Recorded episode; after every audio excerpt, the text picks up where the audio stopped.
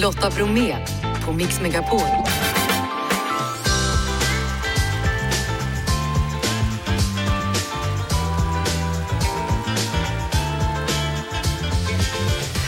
Hallå där och varmt välkommen in till oss denna tisdag. I dagens mix vår sparekonom Frida Bratt om senaste beskedet om BNP. Royal Roger med efternamnet Lundgren har både en bok och en tv-serie om kungen detta jubileumsår. Ni hör efter klockan 17. Och I den timmen så talar jag också med Johannes Kullberg om att ta makten över sin egen hälsa. Det blir tekniktips och strax så gratulerar vi Xavier Kanka som vann en kristall igår för förra vinterns julkalender. Är ni klara killar? Ja. Då kör vi Janne. Igår så gick ju den stora tv-prisgalan Kristallen av stapeln och ett av programmen då som tog hem en av de åtråvärda priserna det var julkalendern minsann, Kronprinsen som försvann. Med mig nu Xavier Kanka Englund som spelade just kronprinsen Carl Wilhelm Gyllenkrona. Hallå Xavier! Hej! Hur är läget? Det känns riktigt bra. Jag förstår det. Hur var det att få gå upp och ta emot ett pris för den serien som ni hade spelat in och gjort? Eh, Det kändes superkul och jättenervöst och det var massa olika känslor på samma gång. Jag förstår det. Alltså, vad hade du för förhoppningar när du begav dig till själva galan? Jag hade ju förhoppningar att vi skulle vinna eh, för vi hade sett att det var framröstade som favoriter i den kategorin. Mm. Eh, Men det kom fortfarande som en liten chock när man fick höra. Ja, Eh, vad, vad, vad tycker du då? Har du varit på den här galan förut, Kristallen? Nej, det här var första gången. Så hur var den, tyckte du? Det var superroligt. Fick du vara med ända till slutet eller var det skola typ idag så att du var tvungen att åka hem tidigare eller? Eh, det, efterfesten får, fick, man inte, fick inte jag eller Kerstin vara med på. Nej, nej, men du och Kerstin kanske kan ha en egen efterfest en annan gång. Ja. Ja. Du, var har eh, priset hamnat nu då? Vem har tagit det? Eh, Jag vet inte. När vi åkte så ha- hade de- de det där. Producenten och regissören hade de där. Men jag Ja, vet ja. inte vart den kommer, vart den kommer vara. Nej, man kan ju hoppas att ni kan få en kopia var i alla fall, du och Kerstin då, tänker jag. Ja. Ja. Eh, hur har ni firat då sen efteråt? Va? Hur har ni firat alltsammans? Eh, ja, än så länge så eh, har vi inte hunnit göra så mycket. Men eh, ja, mina, jag har blivit gastad med mina kompisar och Mm. massa sånt. Massa roliga och eh, repostat på Instagram och Ja, vad härligt. Eh, jag antar att du är sugen på fler priser framöver då eller? Ja, 100 procent. Ja. är det fortfarande skådespelare du vill, vill bli? Liksom? Vi pratade om det när du var här förra gången. Eh, Ja, än så, än så länge så är det det faktiskt fortfarande. Ja, och nu går du i åttan så att det, kanske du kan söka teaterlinjen sen när det är dags i gymnasiet då. Mm. Mm. Då önskar jag dig lycka till och så får vi se om vi hörs innan dess eller om vi hörs efter dess, Xavier. Ja, Stort tack Okej. för att du var med i Mix Megapol tack så jättemycket. Tack för att jag fick vara med. och än en gång stort grattis. Tack. Tekniktipset. Teknik, PC för allas konsumentredaktör Martin Appel är på plats. Välkommen! Tack så mycket. Idag ska vi prata om fiber och det här har vi pratat om tidigare men det är ändå på sin plats att undra för saker och ting händer ju hela tiden fort i den här världen. Eh, när man vill ha fiber i sin lägenhet till exempel, hur ska man göra? Jag har fått ett meddelande, nu är det installerat, men vad gör jag då? Det där är verkligen komplicerat för det är inte så att du kan gå och välja precis vilka tjänster som helst utan så här funkar det. När du får fiber i din bostad då betyder det att det har kommit en kontakt i väggen och i den kontakten så finns det internet. Men du måste välja en operatör. Och alla operatörer finns inte i alla hus. Så vad man gör det är att man kollar med sin hyresvärd eller sin bostadsrättsförening vilka alternativ har jag? Då finns det ofta en lista eller en slags portal där du kan se att i mitt hus finns de här alternativen. Och då scrollar man igenom det och så ser man det här skulle passa mig eller det här skulle inte passa mig. Och om det då är så att man bor i villa eller vill ha till sommarstugan, det har vi pratat om tidigare, då kan man antingen köra med en router eller så kan man be om fiber men då kan det kosta uppemot 30 000 att gräva plats för kablarna. Det kan verkligen vara så dyrt. Det är ju rätt mycket installation som behöver göras och det här beror lite på hur långt bort som så att säga fiberanslutningen är från ditt hus. Ju längre avstånd det är desto mer grävarbete och desto dyrare är det. Så då har vi alltså klart för oss att vi ska välja en av operatörerna då. Har de stor prisskillnad sinsemellan? Mm, det är ganska stor prisskillnad och då finns det en, en del sådana här prisjämförelsetjänster, bland annat en tjänst som heter bredbandsval.se. Då kan man skriva sin adress och så får man upp en lista där det står att de här alternativen har du. Det kan vara en bra hjälp för att se vad som finns. För att ofta är det så att det inte bara bredband, det är inte bara internet du ska välja utan ofta kan det finnas paket där du kan få internet och tv i samma paket. Och då är det ju bra att man börjar med att fundera, vad vill jag ha, vad behöver jag så att man inte betalar någonting som är för dyrt. Det svåra tycker jag alltid är hur, hur mycket megabit per sekund ska man ha? Alltså om vi i vårt hushåll till exempel är tre stycken personer varav tre stycken använder internet väldigt mycket, varav tre stycken älskar att titta på olika serier. Ibland sitter någon i ett rum och ser på en kanal och en i ett annat rum. Det finns som regel antingen 100 megabit per sekund, det är liksom det billigaste abonnemanget, 1000 megabit per sekund är det dyraste. Och är man ensamstående, jag bor själv, för mig räcker 100 megabit utan några som helst problem. Jag skulle säga att för de flesta gör det faktiskt det. Det är inte så att bredbands-tv, SVT Play eller Netflix förbrukar så där fruktansvärt mycket datakraft. Utan jag skulle säga att det bästa man nog kan göra det är ju att börja med det billigaste. Börja med 100 megabit, börja med det lågprisabonnemanget. Testa hur det fungerar och om det plötsligt blir så att du plötsligt inte kan se din dokusåpa som du så gärna vill se för att någon annan i huset surfar, då kan man ju utan problem öka till något lite dyrare. Men jag tror att de allra flesta betalar för mycket för man tänker äsch, för säkerhets skull, tusen låter ju bättre än hundra. Men hundra räcker nästan alltid. Nästa vecka ska vi prata om livsviktiga appar. Lotta Bromé på Mix Megapol. Statistiska centralbyrån meddelade i morse att Sveriges BNP sjunkit med 0,8 procent, vilket var mindre än befarat. Eh, med mig nu Frida Bratt, sparekonom på Nordnet. Välkommen till Mix Megapol. Tackar så mycket. Ska vi börja med att på ett enkelt sätt förklara vad är BNP? Ja, nej men det står ju för det som heter bruttonationalprodukt och innan folk börjar snarka eller byta radiokanal så ska jag försöka översätta det här till svenska då. Tack. Och då är det ju så att BNP, BNP är det samlade värdet av alla varor och tjänster som produceras i Sverige under en viss tid, exempelvis i ett kvartal brukar det vara då. Och man använder ju, det är ett begrepp kan man säga som man använder för att mäta hur mycket en ekonomi växer eller krymper då som i det här fallet. Ja, varför har Sveriges ekonomi krympt? Ja, det är flera saker. Dels så exporterar våra företag mindre. Eh, vi har också minskad konsumtion från svenska hushåll.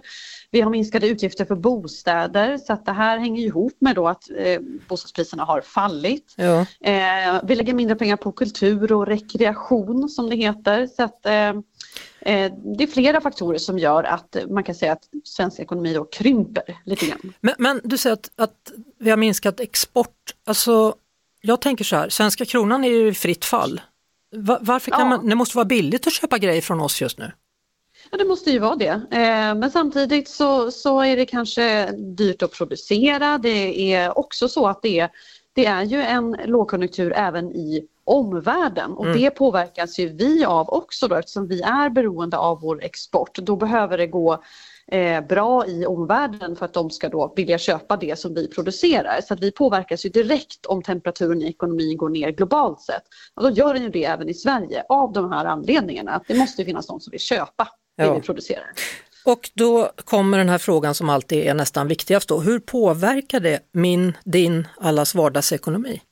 Mm, men det är ju så, det här gäller ju årets andra kvartal så det har ju redan hänt. Det är ju liksom en tillbakablickande siffra kan man säga. Eh, men det är ju en bekräftelse på att det är en nedgång i ekonomin och det här är ju precis som förväntat. Eh, det är precis så som Riksbanken som ju kämpar med att få ner inflationen. Det är precis vad man vill ha det. Man vill ju skruva ner temperaturen i mm. ekonomin och det här är ju ett kvitto på att ja, det börjar bli en lägre temperatur helt enkelt. Och då påverkar det dig och mig i och med det att ja, då är det enligt plan. Så förhoppningsvis så behöver man inte höja räntan så väldigt mycket mer åtminstone. Alltså nu blir det snurrigt för mig här Frida, för att den har inte sjunkit så mycket som befarat. Nej precis. Äh, är inte det bra då? Det är, ja, men precis. Den har sjunkit och det är eh, eh, bra ur ett riksbanksperspektiv, ur Mm. ett inflationsperspektiv. Sen kan man väl säga så här, att den har sjunkit överhuvudtaget, ja men det är ju tecken på att vi är, går in i lågkonjunktur. Mm. Eh, med allt vad det innebär. Det är ju tristare tider. Eh, det kan innebära en stigande arbetslöshet. Men det är väl bra om det blir någonstans mittemellan. Det vill säga att vi inte går för djupt in i lågkonjunkturen men att temperaturen ändå sjunker så att vi får ner inflationen. Så på så sätt var ju det här en, en bra siffra ur de båda perspektiven. Det var Ja. lite mittemellan kan man väl säga. Det kan man säga. Du, eh, lagom eller mellanmjölk kan man också kalla det för. Ja, Svenskt kan man säga också. Ja, precis. Du, vet, du vet att det ska bli 24 grader varmt på onsdag tydligen? Känn på den. Och det, låter, det, det, är, det känns oväntat men efterlängtat också. Så är det. Frida Bratt, sparekonom på Nordnet. Välkommen tillbaka nästa gång. Tack så mycket. Du lyssnar på Lotta Bromé på Mix Megapol. Hörrni, I en Facebookgrupp som heter Svåra föremål 2.0 så pågår just nu den årliga snäckkampen. Och en av dem som deltar det är förra årets vinnare Kristoffer Molinder. Hallå och välkommen till Mix Megapol. Tack så mycket, tack så mycket. För den som eventuellt inte har koll på vad det här är, förklara vad är snäckkampen? Det, är, eh, det handlar om att bygga en figur av snäckor. Ja, får man använda lim eller hur sätter man ihop allt sammans? Ja, det, det, är, det, är väldigt, eh, det är väldigt luddigt. Det är väldigt fria tyglar. Det är snäckor. Sen om man limmar, tejpar, eh, häftar, varsågod, det är valfritt. Ja, och förra året då så vann du, du hade ett verk som hette Tyrannosaurus snäcks. Tyrannosaurus snäcks, vi var, ja, vi, det var jag, jag och Camilla som även tävlar tillsammans i år som vann. Ja, alltså du, har du alltid, och du och Camilla då, har ni alltid varit bra på att skapa snäckkonst? Eh, nej, vi, vi började förra året och det gick bra så vi, vi fortsätter på, på samma bana. Ja, och i år då så tävlar du med ett bidrag som heter Leo Snäcksson. Berätta! Ja, det är eh, egentligen direkt efter, eh, efter förra året så kom vi på att vi måste ju ha något som är ännu bättre i år. Ja, Eh, och vad är inte mer känt och konstigt än Gripsholmslejonet Leo? har det det det föreställer jag? Det är det. Är det. Definitivt. Men du, nu sa jag så och då kanske man lyssnar bara så här, åh, är taskig hon är. Men alltså vad är poängen? Det är inte meningen att det ska vara liksom det vackraste vackra utan det ska uttrycka någonting, eller hur ska vi säga? Ja, alltså för våran del så ville vi, ville vi få det så likt vi kunde. Mm. Vilket vi, vi blev hyfsat nöjda, lite fel på kinderna men, men annars, är, annars är vi väldigt nöjda. Ja, tänderna är ju Eh. väldigt speciella. Tungan vet jag inte vad ni har gjort av. Eh, tungan är snäckor, den är klädd med Oj. snäckor också. Oj, så oj, det, det, är, vi la ner, vi satt i sju timmar så det är 14 mantimmar nedlagda på den där. Oj, oj, oj. Jaha, och nu är det då en röstningsomgång då i gruppen Svåra föremål 2.0 eh, på Facebook där 15 bidrag ska bli fem då. Hur är känslan för lag Leo Snäcksson? Ja, jag följer det här dagligen givetvis. Ja. Eh, och eh, vi kommer ju, det- här är ju första deltävlingen och eh, som det ser ut nu så ligger vi ju, så leder vi den. Så vi kommer ju att gå vidare till, till final i alla fall, Ja. eller till finalomgången. Du, ni var faktiskt också till och med på, på Gripsholm för att kolla hur det såg ut så ni verkligen skulle inspireras. Ja. Vi, vi tog en liten studieresa här i somras Ja. eh, för att, att insupa atmosfären och ta lite bilder och få en uppfattning om hur han ser ut i verkligheten. ja. Du, eh, han lyser också. Har ni lagt in en lampa i huvudet på honom? Ja, jag byggde in en, en lampa i den, samma som vi gjorde med Tyrannosaurus Snäcks. Så att eh, man, man ska kunna använda den ja, som en sänglampa om man vill vara riktigt, riktigt extrem. Ja, med den här munnen, den är lite läskig som sänglampa. Eller Den det är kanske... lite, lite läskig, Ja. man har ögonen stängda när man sover. Ja, det har man. Det är tur, då kan man ha den där bredvid sängen. Jajamän. Eh, Stort tack för att du ville eh, prata med oss och eh, jag önskar dig och var det Camilla lycka Camilla. till då, Kristoffer Bolinder mycket, i Lindesberg. Hej så länge! Hej, hej, hej. Lotta Bromé och den perfekta mixen. På Mix Megapol. Varmt välkommen till Roger Lundgren, även kallad Royal Roger. Tackar. Det är en stor dag för dig. Du släpper både en bok och också en film i form av tre delar. Precis så. Mm. Kungen 50 år på tronen och nu är det säkert många som undrar varför detta intresse? För du har varit intresserad i många år. Ja, vi har väl alla våra olika bokstavskombinationer och sådär. Men, eh, nej, men det här har varit ett barndomsintresse som har funnits med mig hela livet som jag då på ett roligt sätt har kunnat göra till mitt yrke. Hur många år har du följt kungahuset skulle du säga? Alltså, jag blev nog intresserad av dem redan när jag var 8-9 år gammal. Eh, Men professionellt har jag jobbat med det här sedan 2008. Så det handlar om 25 år. Ja, Ja. Och det har du då lyckats sammanställa i den här boken, kan man säga så? ja men precis. För du har Precis så. träffat kungen under åren. Då. Är, är du även intresserad av kungligheter internationellt sett? Absolut. Vilken är favoriten? Eh, ja, nu har ju drottning Elisabeth dött, så att det är ju, men hon får väl fortsatt vara det. Jag, också, jag har också ett väldigt gott öga till drottning Margreta Danmark som jag har fått intervjua flera gånger. Hon är en makalös kvinna. Sen sägs det att du också är vän med Camilla Parker Bowles. Ja, det är faktiskt sant. Ja. Jag tyckte synd om henne på 90-talet när hela världen hatade henne och skickade henne Dime. Eh, och det tyckte hon om och vi har fortfarande en hel del kontakt faktiskt. Skickar du henne Dime? Vad sa, vad sa hon då? Ja men alltså du vet folk, alltså folk slängde ju hundbajs på henne på mataffärerna eh, och kallade henne för rottweiler och monster och så att när liksom en svensk tonåring skickade svensk choklad till henne så blev hon väldigt glad för jag var den enda som gjorde det. Så ni har liksom träffats och Ja. har fortfarande kontakt? Ja, hon är ett, för övrigt ett jättestort ABBA-fan och jag sprang ihop med Björn Ulvaeus kvällen på ett mingel och kunde berätta för honom då att hon var och tittade på deras show i London i julas med sina barnbarn. Men nu är hon drottning också, fick hon hon bli till slut. Ja. precis. Du, vad har svensk monarki då för rykte runt om i världen skulle du säga? Jag skulle säga att de har, den svenska kungafamiljen har ett väldigt bra rykte internationellt sett. Eh, eh, man känner till mycket tack vare drottningen och Victoria i många andra länder. Kungen är ju inte såklart lika färgstark som sin fru och sina barn av förklarliga skäl. Det är ju lättare för en kvinna att sticka ut genom olika kläder och sådär. Men, men, men ja, nej, men de har ett bra renommé. Men, men de skandalerna som han då på sätt och vis har haft i Sverige när man vänder blad och går Mm. vidare och så, finns det ryktet kring honom också i andra länder eller är det något som vi har uppfunnit här? Nej men alltså eh, just, alltså om man jämför våran kung med alla andra kungar runt om i världen eh, och även väldigt många presidenter ska vi säga, så är ju de här skandalerna som har funnits runt våran kung rätt obefintliga. Den där motvillig motvillige monarken-boken kan man ju ha väldigt mycket synpunkter på när det gäller sanningshalten i väldigt stora delar av det innehållet.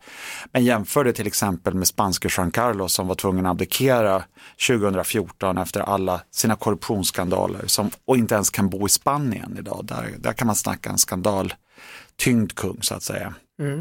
Du, du har ju gjort intervjuer då genom åren, 25 år, med både hovfolk och statsministrar. Mm. Vad skulle du säga? Har de olika bilder av vår konung? Ja, det är ju klart. Alltså vissa, jag, menar, jag har ju pratat såklart även med kungen själv och hans närmaste familj. De har ju ett perspektiv, statsministerns perspektiv ser ungefär likadant ut, för de har ju mött honom enbart i tjänsten. Eh, Men, men den är ungefär samsyn, rätt, väldigt mycket samsyn på, på hur de ser på det. Och de är ju, oavsett om de principiellt republikaner, så har de alla haft en mycket bra arbetsrelation med honom. Men hur mycket kan hovfolk till exempel säga? Hur mycket får de säga? Har de tystnadsplikt? Nej men det där handlar ju om förtroenden som det är i alla branscher när man skriver böcker och eh, min, även om jag är en krösa Maja privat, för det är jag, så är jag inte när jag skriver böcker och jobbar med, eh, med det här, för det är, man är i förtroendebranschen och det, det kan man förlora väldigt, väldigt fort. Hur mycket har det att göra med att du faktiskt har läst statsvetenskap på universitetet och har en frikant? Jag tycker att det ger mig en bra akademisk grund att stå på, absolut, därför att jag kan sätta saker och ting i ett sammanhang och göra komparativa studier också hur det ser ut i de andra, andra länderna helt enkelt. Mm. Hur skulle du beskriva kungens roll i Sverige? Idag? Ja, alltså det finns flera dimensioner på den. Dels är han ju våran statschef, men många människor ser ju honom som en eh, länk till det förflutna men också till framtiden. Eh, det är en samlande symbol, det är en PR-maskin. Och många, en del tycker att han är lika svensk som flaggan, medan andra tycker om att följa dem, precis som man följer familjen Wahlgren om man nu ska försöka devalvera det här på något vis. Mm. Men, men, men monarkin finns ju kvar av en enda anledning i Sverige och det är för att folket vill ha kvar den. Hade den inte funnits ett folkligt stöd hade den försvunnit för länge sedan. Och jag tror också, i och med tsunamin så tog han ett steg framåt och blev mm. liksom mer av en landsfader också. Alltså, kan du hålla med mig? Ja men så är det, kungen är ju eh, inte riktigt bekväm i att vara sig själv i alla lägen. Men när han väl är sig själv och när han pratar från hjärtat, det är då det blir så himla bra. Och jag kan ju privat önska sådär lite att han skulle våga ta för sig lite mer att vara sig själv, för han är en otroligt rolig person. Mm. Men där när tsunamin hade hänt, då, då hänförde han det till sitt egna liv? Absolut, och saknaden av sin far som hans pappa dog när han bara var tio månader. Så, att, mm. så vad tror du, kommer han lämna över till kronprinsessan eller kommer han sitta tills det är slut? Om hälsan håller så kör han in i kaklet.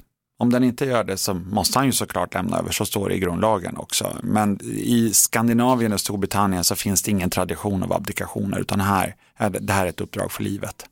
Kungen 50 år på tronen heter alltså boken och alldeles strax ska vi prata med Roger Lundgren om den här serien då i tre delar som faktiskt startar just idag. Eh, alltså det är ingen som kan ha undgått det här, det är mycket att fira detta år.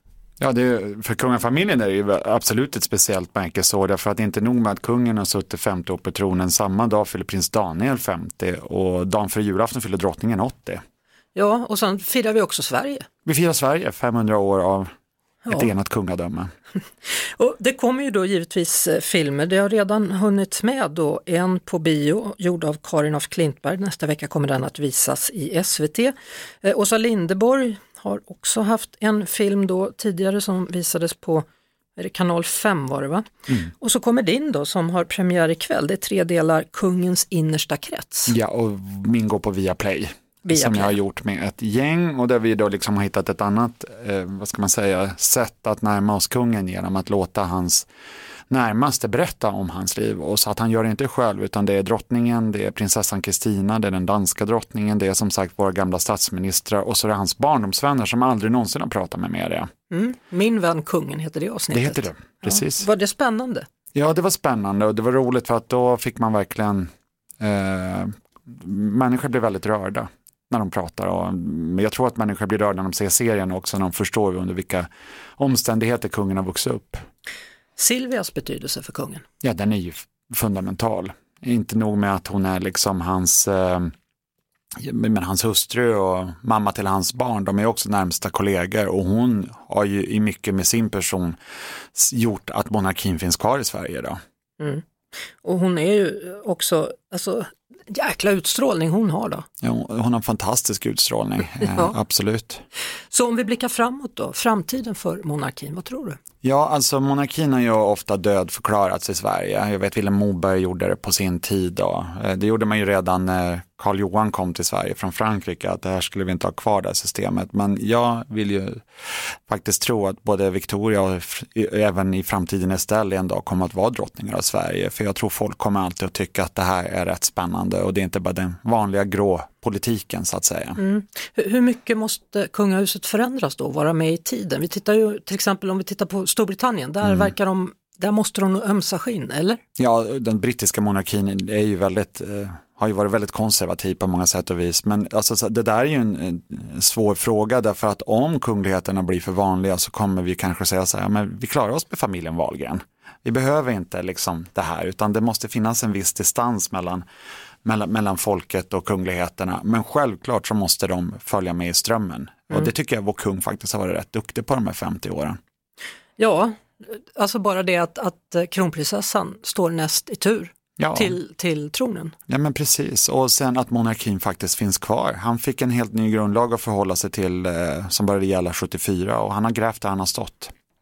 Ikväll är det alltså premiär då på Viaplay för Kungens innersta krets. Första delen heter Min bror kungen, den andra delen Min vän kungen och den tredje Min man kungen. Och boken då, biografin Kungen 50 år på tronen skriven av Roger Lundgren. Stort tack för att du kom hit. Tack Lotta.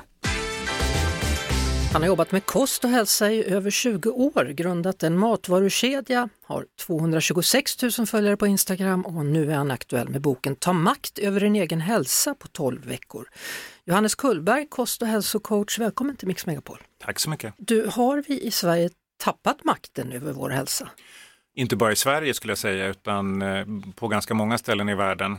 Och vi är ett djur då och vi Ja. behöver egentligen mer motion och mer rörelse än att sitta framför en skärm. Absolut. Och, och det är lite spännande det här när man tänker på hur läkare i sin utbildning har, jag tror det är 13 timmar nutrition, medan veterinärer läser betydligt mycket mer. Jaså? Och det är lite konstigt. Ehm, Vi är alla djur. Så vad har hänt med vår hjärna? Har vi liksom programmerat om den då för att gilla snacks, småätande, godis och sånt? Nej, det behövde vi inte göra. Den var, den var programmerad från början. Varför då? Jo, för att den har ett antal lägen som har gjort att vi ska kunna överleva. Och hjärnan kan man säga har inte uppdaterats på 40 000 år. Det är samma gamla mjukvara som ligger och snurrar. Så den är ganska felanpassad till det livet vi har idag.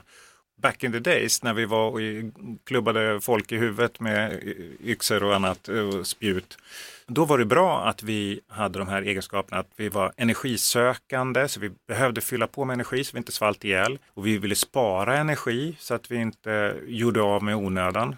Och vi var trygghetssökande också för att ja, man visste ju inte vad som skulle kunna hända. Vi hade ett väldigt kortsiktigt perspektiv och vi var också väldigt negativt inriktade för om vi fokuserade på det negativa så hade våra, vi större överlevnadschanser. Men allt det här sammantaget är ju bara för att vi ska överleva. Och det behöver vi inte riktigt tänka på idag. Men det går ju inte att, att byta hjärnan, alltså hårddisken, men man kanske kan uppdatera den på olika sätt, eller? Ja, framförallt tror jag att det är viktigt att förstå att hjärnan inte är så smart ibland och att man måste ignorera vissa signaler. Så när, när hjärnan skriker liksom, kom och lägg dig på soffan med, med lilla chipspåsen och mys här nu framför Netflix hela kvällen, så är det jättehärligt såklart, det tycker jag också. Men det är precis fel ofta vad, vad, vad det egentligen kroppen behöver. Hur tycker du man ska tänka då, om man nu känner igen sig när man hör dig prata om Netflix och, och en påse chips och en soffa? Det viktiga tycker jag är att man börjar inse att allt går att förändra. Man behöver inte göra sådana här radikala grejer utan små förbättringar över tid blir stora förändringar. Och det tycker jag är häftigt. Så att det handlar inte om att kuta iväg till närmaste sats och köpa gymkort, springa fem dagar i veckan eller vad det nu är för någonting och sen bara äta broccoli eh, hela livet. Utan man kan göra små förändringar som faktiskt är ganska härliga. Jag är med i studion nu, kost och hälsocoachen Johannes Kullberg och vi pratar om att ta makt över sin egen hälsa. Du har ju då fem stycken nycklar som man kan börja med. Om vi börjar med första nyckeln, sluta banta. Alltså det här med banta är det värsta som jag vet, men det är också för att det finns så mycket pengar att tjäna på bantningspiller, bantningsprodukter, så det är inte konstigt att det har blivit så. Och det bygger på att man ska få snabba resultat och sen kommer man att fejla för att man orkar inte leva på det här sättet. Du måste tänka på att hitta ett sätt som du ska kunna leva resten av livet. Och det tror jag inte du vill göra genom att dricka citronvatten och, och leva på en vindruva om dagen. Sen den andra nyckeln då, ät 80-20.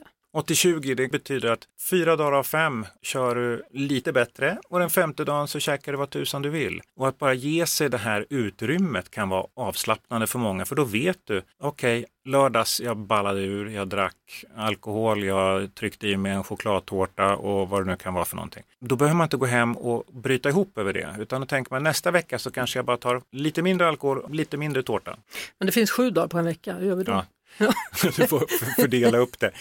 Det viktiga är att då kan du ha en och en halv, två dagar som är lite vajsing på till att börja med. Men det fina är att kroppen ställer ganska snabbt in sig. Så att ditt sötsug, som i alla mina klienter som kommer till mig har ett väldigt kraftigt sötsug. Så där vid fyra tiden på eftermiddagen, då börjar det gå varmt på Pressbyrån. Och det är någonting som börjar försvinna om du tillåter dig själv att inte bli så här. Det här förbjudna är ju alltid härligt att ta. Mm. Sen har vi då nästa nyckel som är köket och sovrummet är viktigare än gymmet. Yes. Oj. Trots att jag älskar att gå och träna på gymmet själv, så det, det är viktigt att komma ut och promenera. Och det är också viktigare att sova. Om du inte får sömnen så kommer du att fejla med allt annat. Så det är det viktigaste av allt. Och sen att du lagar din egen mat. För om du lagar din egen mat då har du koll på vad som kommer i den och du slipper väldigt mycket av det här dolda sockret som kommer in i mat. Sen har vi den sista nyckeln då. Titta dig inte blind på kalorier. Alltså det här med kalorier, de enda som jag tycker behöver kanske titta på kalorier, det är om du tävlar i fitness eller bodybuilding. Annars så är det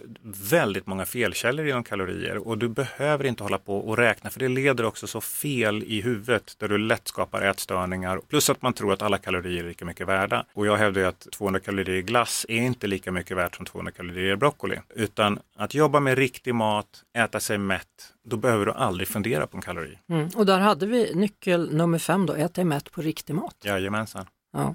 Tack så mycket för att du kom hit och gästa Mix Megapol, Johannes Kullberg. Hörrni, det är allt för idag. Jeanette, Janne och Lotta säger tack och hej. Det gör även vår producent Jeff Neumann. Alldeles strax så kommer Erik Myrlund att hålla er sällskap med blandad musik resten av kvällen. Ett poddtips från Podplay. I fallen jag aldrig glömmer djupdyker Hasse Aro i arbetet bakom några av Sveriges mest uppseendeväckande brottsutredningar.